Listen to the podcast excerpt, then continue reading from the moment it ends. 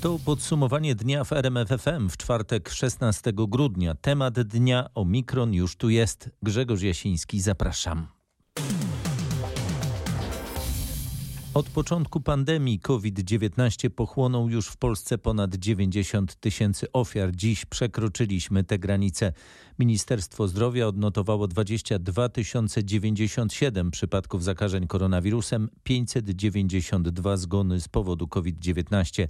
Samych zakażeń jest dziś nieco mniej niż w poprzednich dniach. Zgadza się, we wszystkich województwach dynamika jest ujemna, czyli dzienna liczba zakażeń spada. Wynika z danych resortu zdrowia. Nadal najwięcej zakażeń jest potwierdzanych w województwie śląskim. Dziś 2900, ale to o ponad 700 mniej niż wczoraj. Podobny spadek również na Mazowszu. Dziś 2800 przypadków. Granicę 2000 zakażeń przekroczyło dziś jeszcze województwo dolnośląskie. Najmniej zakażeń na Podlasiu, niespełna na 300. W szpitalach wciąż trudna sytuacja. Hospitalizowanych jest niemal 24 tysiące osób, nieco mniej niż wczoraj, ale o 500 więcej niż przed tygodniem. Informował Maciej Sztykiel. Śląski Sanepid potwierdził pierwszy przypadek wariantu Omikron koronawirusa w Polsce. Zakażona nim jest 30-letnia obywatelka Lesoto, która uczestniczyła w Katowicach w szczycie cyfrowym ONZ.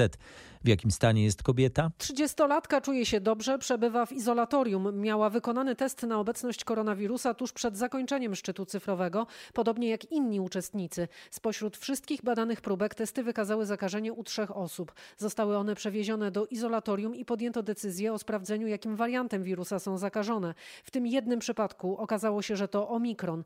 Z wywiadu epidemiologicznego wynika, że kobieta miała bezpośredni kontakt z dwiema zaszczepionymi osobami ze swojego kraju.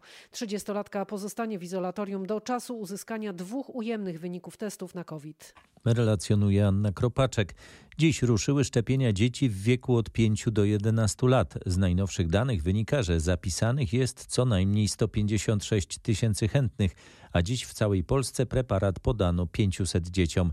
W punkcie szczepień na Stadionie Narodowym w Warszawie dziś przyjmowane są osoby, które zostały zarejestrowane, gdy tylko stało się to możliwe. Rejestrację córki dokładnie zrobiłam po północy, wtedy kiedy można już było rejestrować dzieci, więc jest to szybko. Im szybciej, tym lepiej. Moja droga, uśmiechnięta, zadowolona. Jak było? Opowiadaj. No dobrze, myślałam, że to bardziej boli, ale tak naprawdę tylko takie ugryzienie komara. Rozumiem, że mama tutaj w nagrodę coś przygotowała dla córki. To właśnie e, raczej osoby, które szczepiły, przygotowały nagrody dla dzieci, bo e, były i odblaski, były misie dla odważnych pacjentów. A powiedz coś tym wszystkim, którzy się boją trochę takiego szczepienia. Nie ma się czego bać, dlatego że to pomaga i można się po prostu pomyśleć o jakichś rzeczach, które, na które się nie miało czasu i wtedy to tak szybko minie.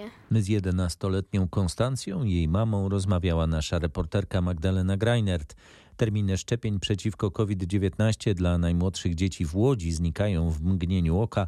W Instytucie Centrum Zdrowia Matki Polki do końca roku zamówiono 200 dawek pediatrycznych i wszystkie będą wykorzystane. Dziecko chodzi do szkoły, więc chcemy, żeby był zdrowy po prostu. Córkę mamy, która kończy e, w marcu też 5 e, lat i na urodziny dostanie właśnie szczepienie. Lekarze, nasi znajomi szczepią swoje dzieci, więc no, dzieci są dla nas najważniejsze, więc troski o nich Zaszczepiliśmy dzisiaj Igora. Ale czułeś coś w ogóle? Nie, nie bolało. Się nie ma czego bać, że to tylko 3 sekundy. Punkt w Łodzi, w którym szczepieni są najmłodsi, odwiedziła dziennikarka RMFFM Agnieszka Wyderka.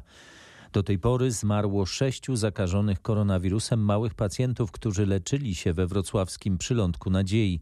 O sześciu za dużo, mówi jego szef profesor Krzysztof Kałwak i dodaje, że rodzice wszystkich zmarłych dzieci byli niezaszczepieni. Powinniśmy absolutnie przekonywać do tego rodziców, żeby szczepić ich dzieci i również szczepić całe rodziny, bo ludzie są nieprzekonani, niepewni, a po co? A niestety mamy ostatnio sytuację dramatyczną, zmarło nam dziecko które rok wcześniej zakończyło leczenie z powodu choroby nowotworowej, ale miało wiele schorzeń współistniejących. Rodzice niezaszczepieni trafiło z pneumonią COVID na oddział intensywnej terapii i niestety nie ma go już z nami. Już w najbliższą sobotę we Wrocławiu zaplanowano wyjątkową akcję szczepień przeciw COVID-19. Będą szczepione dzieci po przeszczepach szpiku w wieku od 5 do 11 lat.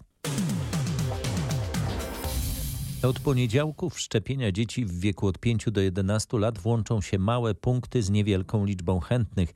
Te placówki nie zamówiły na razie szczepionek, bo są pakowane po 100 sztuk. Od poniedziałku wysyłane będą szczepionki po 20 dawek. W tej chwili w Rządowej Agencji Rezerw Strategicznych trwa już dzielenie tych szczepionek na mniejsze partie, także i te mniejsze punkty od nowego tygodnia będą mogły szczepić dzieci. Mówimy tu głównie o tych powiatach i gminach wiejskich. Rzecznik resortu zdrowia Wojciech Andrusiewicz zapowiada, że poprawi się zaopatrzenie w leki stosowane u chorych na COVID-19.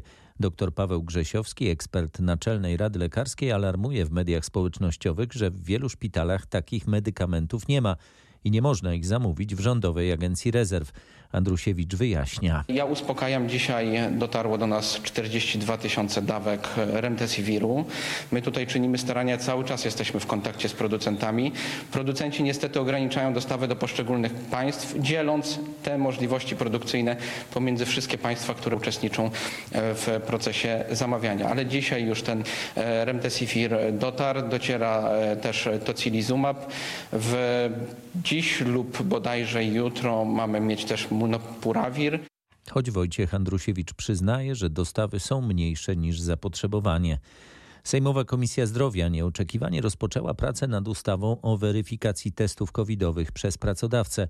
Posiedzenie zostało zwołane na ostatnią chwilę, by uniemożliwić ewentualne zakłócanie prac. Wczoraj przez posłów Konfederacji i zaproszonych antyszczepionkowców dyskusja nawet się nie rozpoczęła. Tym razem nie było już przeszkód? Nie do końca. Protestowali politycy Konfederacji, którzy twierdzili, że nie wiedzieli o posiedzeniu komisji, co tylko częściowo było prawdą. Zespół i tak miał w tym czasie dyskutować, ale na inny temat.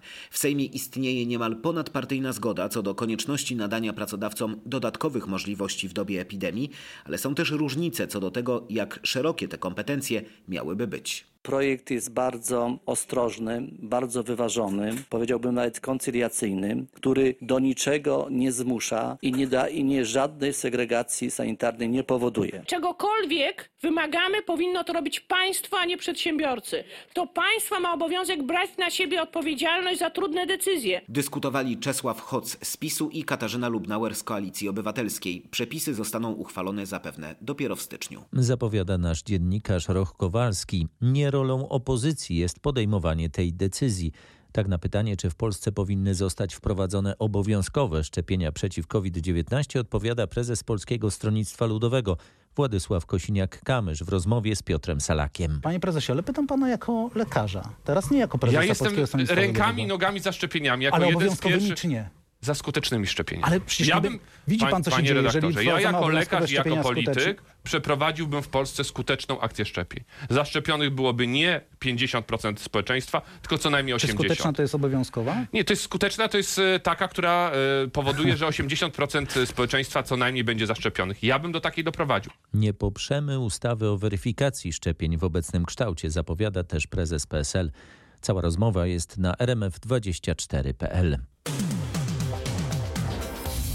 W Brukseli szczyt Rady Europejskiej szefowie państw i rządów Unii rozmawiają m.in. o sankcjach wobec Rosji w razie jej ataku na Ukrainę. Przed rozpoczęciem rozmów szef polskiego rządu Mateusz Morawiecki tak mówił o sytuacji na wschodzie. Naszym podstawowym, em, podstawową częścią architektury bezpieczeństwa i współpraca między Unią Europejską a NATO, e, która będzie ujęta w szczegółowej deklaracji, która już teraz jest opisywana jako kluczowa, jest e, dla nas bardzo ważna i bardzo pozytywna. Bardzo pozytywna także w kontekście tych niebezpiecznych wydarzeń, które rozgrywają się za naszą wschodnią granicą. W odniesieniu do Białorusi jednoznacznie pokazujemy na mm, używanie migrantów jako narzędzia, jako żywych tarcz. Jest to przyjęte przez wszystkie państwa i jednocześnie pokazujemy, że będzie eskalacja kolejnych sankcji wobec Białorusi, jeśli te działania się nie zatrzymają. Mamy tutaj zgodność dotyczącą konkluzji. W odniesieniu do Rosji, która zacieśnia pętlę wokół Ukrainy, e, tutaj mm, mamy większe rozbieżności zdań z niektórymi państwami Europy Zachodniej, ale jednak jestem e, optymistą co do możliwości wypracowania wspólnych konkluzji i także zaznaczenia, że będziemy reagowali w sytuacji agresji militarnej, agresji na Ukrainę. Minister klimatu i środowiska Anna Moskwa także wystąpiła przed dziennikarzami w Brukseli. Mówiła o transformacji energetycznej. Polska transformacja bez gazu, bez inwestycji gazowych nie może się odbyć. Jest to jeden z głównych naszych postulatów na każdym poziomie. Walczymy o akceptowalność tej formy dostawy energii, tej formy transformacji we wszystkich instytucjach europejskich. Ze względu na poufność debaty na temat sankcji wobec Rosji, liderzy 27 krajów nie mogli wnieść na salę obrad telefonów ani innych urządzeń elektronicznych.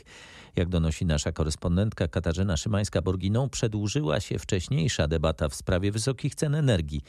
Jakie jest stanowisko Polski? Polska chce kompleksowej reformy systemu uprawnień do emisji CO2 i ograniczenia, a nawet wyłączenia roli instytucji finansowych w tym systemie. Chce, by energia jądrowa i gaz zostały uznane za zielone i mogły otrzymywać unijne wsparcie oraz stara się o zgodę Unii na obniżenie VAT-u na paliwa. Jeżeli chodzi o Rosjan, to nie zostaną podjęte decyzje w sprawie sankcji. Unia zagrozi natomiast Moskwie całym wachlarzem sankcji w razie ataku na Ukrainę, od zakazu wjazdu dla rosyjskich oficjeli poprzez sankcje uderzające w system bankowy Rosji, po te uderzające w rosyjski eksport gazu. Sankcje gospodarcze dotkną także unijne kraje, na przykład zablokowanie Nord Stream 2 to problem dla Niemiec, dlatego dyskusja będzie trudna i burzliwa. Relacjonowała Katarzyna Szymańska-Borginą. Obradujący w Brukseli szefowie państw i rządów przyjęli konkluzje dotyczące walki z COVID-19.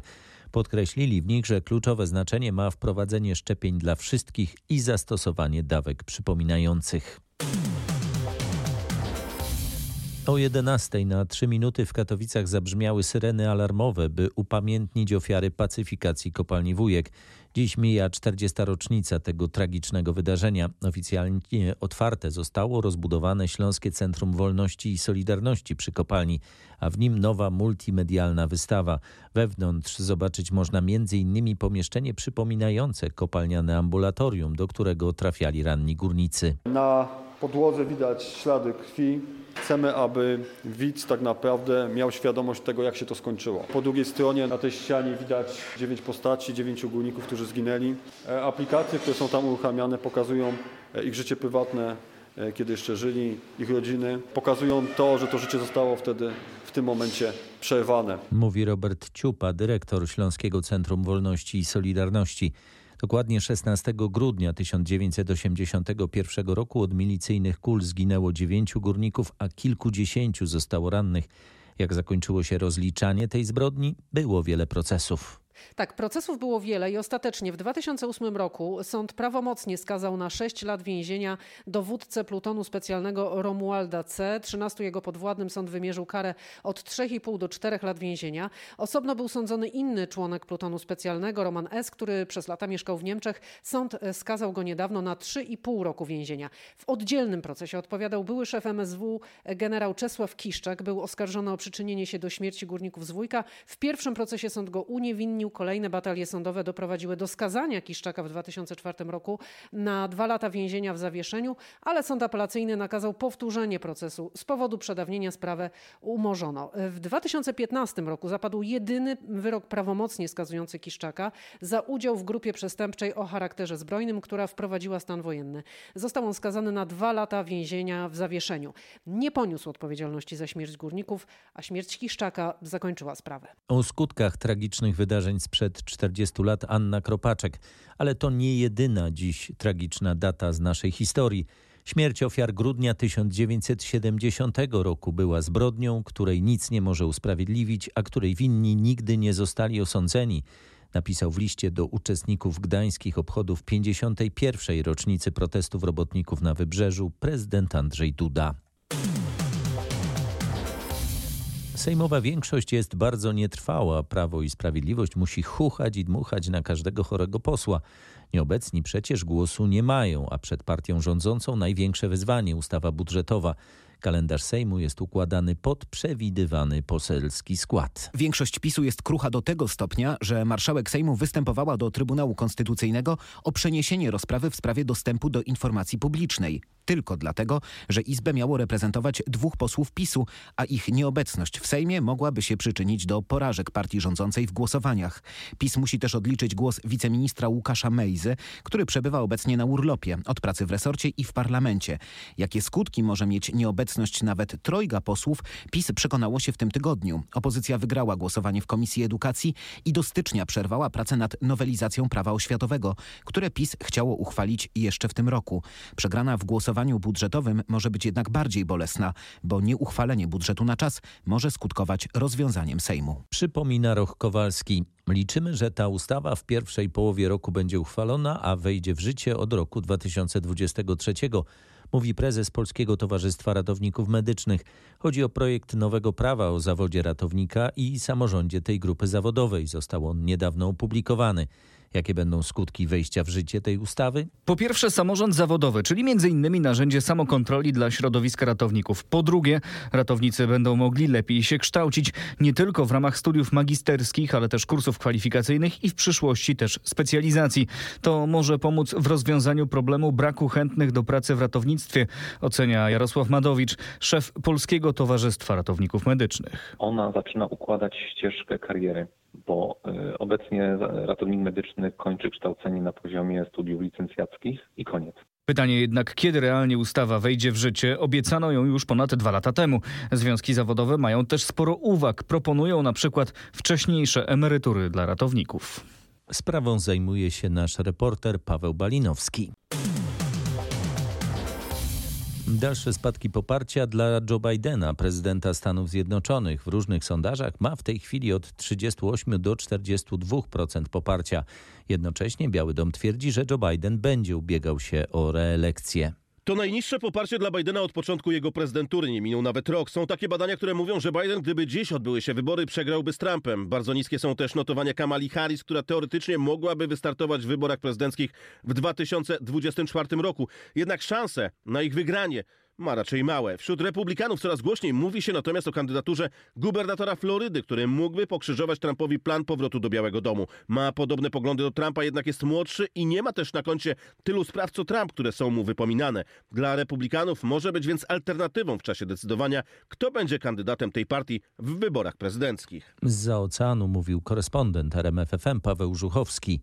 Pierwszy SMS, jaki kiedykolwiek został wysłany, wystawiony zostanie na aukcji. Może osiągnąć cenę nawet 170 tysięcy funtów. W 1992 roku szef brytyjskiej firmy telekomunikacyjnej Vodafone otrzymał od swego pracownika proste życzenia. Na ekranie przenośnej słuchawki pojawił się napis Merry Christmas, czyli Wesołych Świąt. Był to pierwszy SMS, jaki człowiek wysłał i człowiek otrzymał. Jak każda tego typu premiera ma swoją wartość. W aukcji można wziąć udział licytując wyłącznie w kryptowalucie. Zwycięzca otrzyma autoryzowany plik zawierający wszystkie dane dotyczące pierwszego SMS-a. Zachowa także do niego wyłączne prawa. O aukcji w sam raz na przedświąteczny czas informował nasz londyński korespondent Bogdan Frymorgan. Znamy rywali piłkarskiej reprezentacji Polski w przyszłorocznej Lidze Narodów. Ceremonia w Szwajcarii potwierdziła, że o punkty będzie ciężko. W końcu gramy w najmocniejszej dywizji A.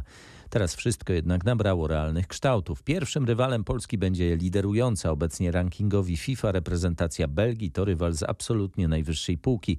Do tego bardzo groźna Holandia. Potencjalnie najsłabszym przeciwnikiem jest z kolei Walia. Cztery mecze Ligi Narodów zagramy w czerwcu, dwa kolejne we wrześniu certyfikat szczepienia albo obowiązkowa 21-dniowa kwarantanna. Takim obostrzeniom będą musieli sprostać sportowcy, którzy wystartują w zimowych Igrzyskach Olimpijskich w Pekinie. Impreza rozpocznie się 4 lutego i będzie odbywała się w bardzo ścisłym reżimie sanitarnym, przypomina szef Polskiej Misji Olimpijskiej, były panczynista Konrad Niedźwiecki. Seria testów przed wylotem, ale również codzienne testy tam na miejscu. W zasadzie zakaz opuszczania wioski, poruszanie się wyłącznie oficjalnym transportem na linii wioska, obiekt i z powrotem, więc e, te ograniczenia w komunikacji z innymi ludźmi będą ograniczone do zera. Pierwsi sportowcy wylecą do Pekinu 26 stycznia. A już jutro premiera drugiego sezonu serialowego Wiedźmina z Henrym Cavillem w roli głównej. Świat znany z książek Andrzeja Sapkowskiego, tym razem ekipa próbowała odtworzyć m.in. na północy Anglii. Katarzyna Sobiechowska-Szuchta pytała o to Tomasza Begińskiego, producenta wykonawczego serialu. Nam zależało na tym, żeby szukać miejsc, które trochę przypominają czy to Bieszczady, czy trochę przypominają Sudety, czy trochę przypominają takie znajome miejsca z Europy Wschodniej i wydaje mi się, że się to udało.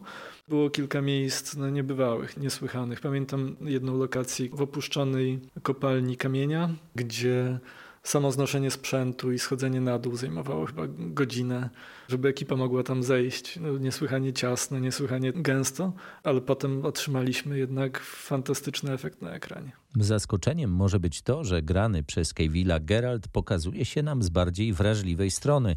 Pokazujemy świat, do którego przychodzi zmiana, mówi Tomasz Bagiński. Pamiętajmy, że książki Andrzeja Sapkowskiego bardzo mocno odbijają się od, od rzeczywistości i od historii i wiele motywów, które się tam znajdują, to są odbite w takim zwierciadle fantazy motywy, które nas otaczają. Czy to dotyczy napięć międzyrasowych, czy to dotyczy napięć między krajami, czy emocji międzyludzkich, no to Andrzej czerpał mocno ze świata, który nas otacza.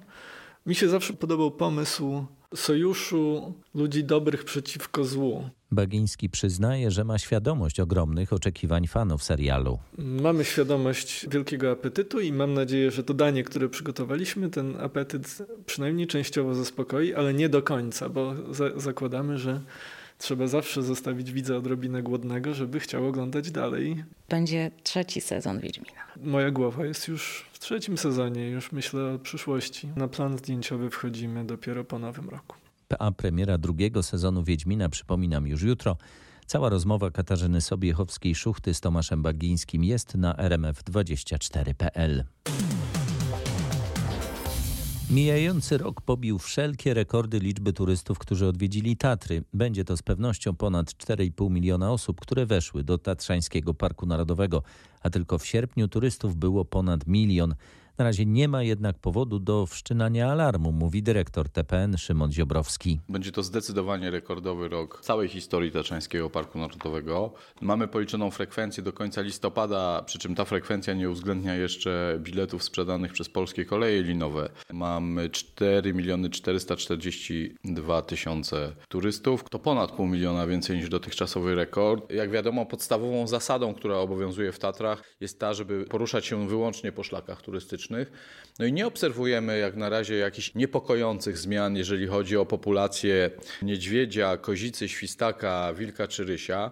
Dyrektor uważa, że na tak dużą frekwencję w Tatrach wpływ miały restrykcje pandemiczne, przez które wiele osób nie wyjechało za granicę. Przyczynił się do tego także bon turystyczny.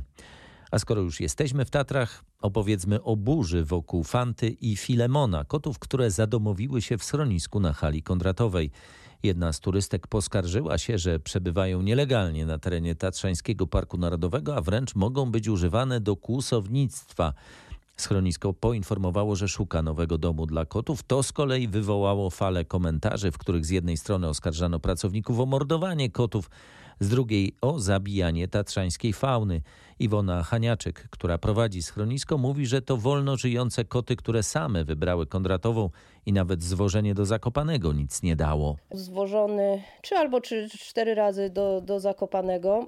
Uciekał i wracał z powrotem do nas po trzech czy czterech dniach, cały dumny z siebie, że jest. Jak on do nas docierał, nie wiem, czy przez Giewon, czy przez Kalatówki, czy... nie mamy w ogóle pojęcia kocie drogi. Około miesiąca temu pojawiła się kotka nad ranem. Była wychłodzona, głodna, zmęczona. Także są to koty wolno żyjące, które same zadecydowały gdzie i kiedy i, i u kogo chciały się zakwaterować. Dyrektor TPN Szymon Ziobrowski nie chciał komentować tej sprawy, zapewnił tylko, że żadna decyzja w sprawie kotów nie zapadła.